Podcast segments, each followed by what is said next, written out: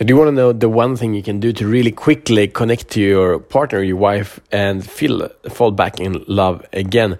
So, we share a story from my weekend and a beautiful conversation I had my wife the past days.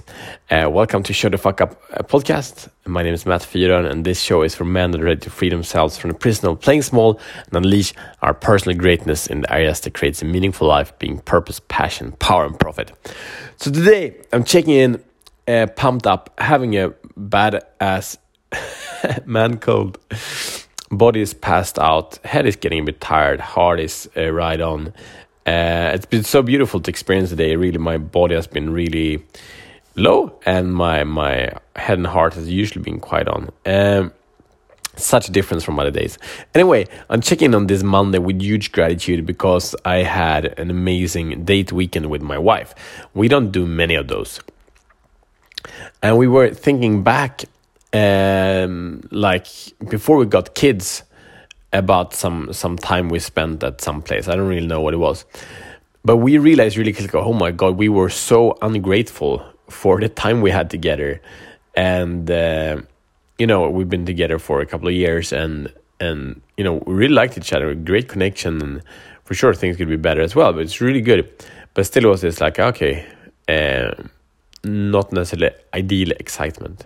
But now, you know, we don't get we get some evenings per week, and and but the kids are at home, so like it's not the, safe space. And now this week we we checked into a really good hotel in in town, and we went walked a couple of blocks uh, from the hotel a couple of times, and we had some good food and. It was really, really relaxed. Uh, and it was just uh, two of us, and it's so are so grateful and so blessed to be able to spend this time together. And the the issue I, I hear a lot of, of, of guys speak about is you know lacking connection, a lot of fighting, a lot of frustration, and so on. And I really want to bring it down to the context that in the context of every day, it's it's a serious business to run a family. It's serious. It's it's not easy. And and of course the the experience, the challenges, and, and the conflicts, and whatever happens with your partner will happen because of that context. But how can you hack that context both in your home and outside of your home to really start thriving? What are the things you need to control? What are the things you need to let go of? And how can you regularly design in these super boosters, super boosters of, of, of pump and juice and beauty into your life? Can you do that?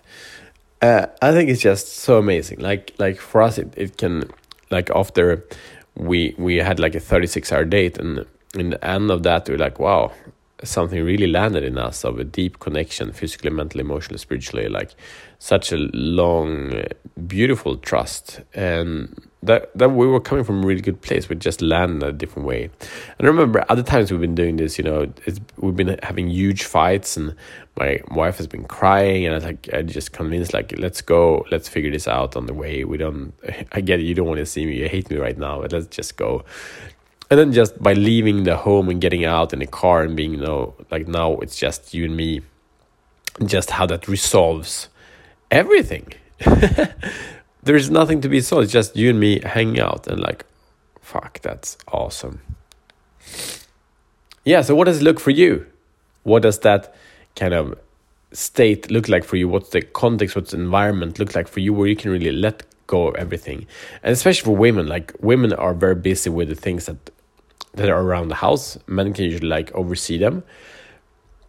And and women have often the things in the house are actually talking to them. So they feel like do me do me fix me take care of me clean me right? So what can environment can create is really safe for her to just be and connect to you in a beautiful way. So your mission should choose to accept it is actually to book an awesome date with your wife. Take her away and surprise her make a decision don't ask her what she wants make a decision and bring her away and have a blast. Just be you. You don't need to like.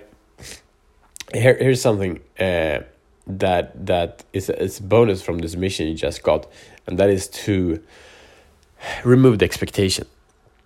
So when we were on the way to the date, we had a good check in, and I asked my wife, well, her thoughts, what she wanted and stuff, and she said, oh, "I feel I need to." Do you expect to have sex in a particular way, or whatever? and she could share that, and then I could share like, yeah, you know, I definitely want to have plenty of sex, but it's not about that. I want you, and I want me, and I want us to to be connected, and then these things will happen, but it's not as a projection. Something like that, with a conversation. Uh, so it's really important to check in on these things also because if we don't have these times that often, it's easy we step in with projections and expectations that are not clear, uh, and that can actually ruin the time. All right, that's it. Please share this with a man that needs to date his wife more, uh, or with a wife that they need to tell her man, like, hey, do this. That's it. See you tomorrow as better men.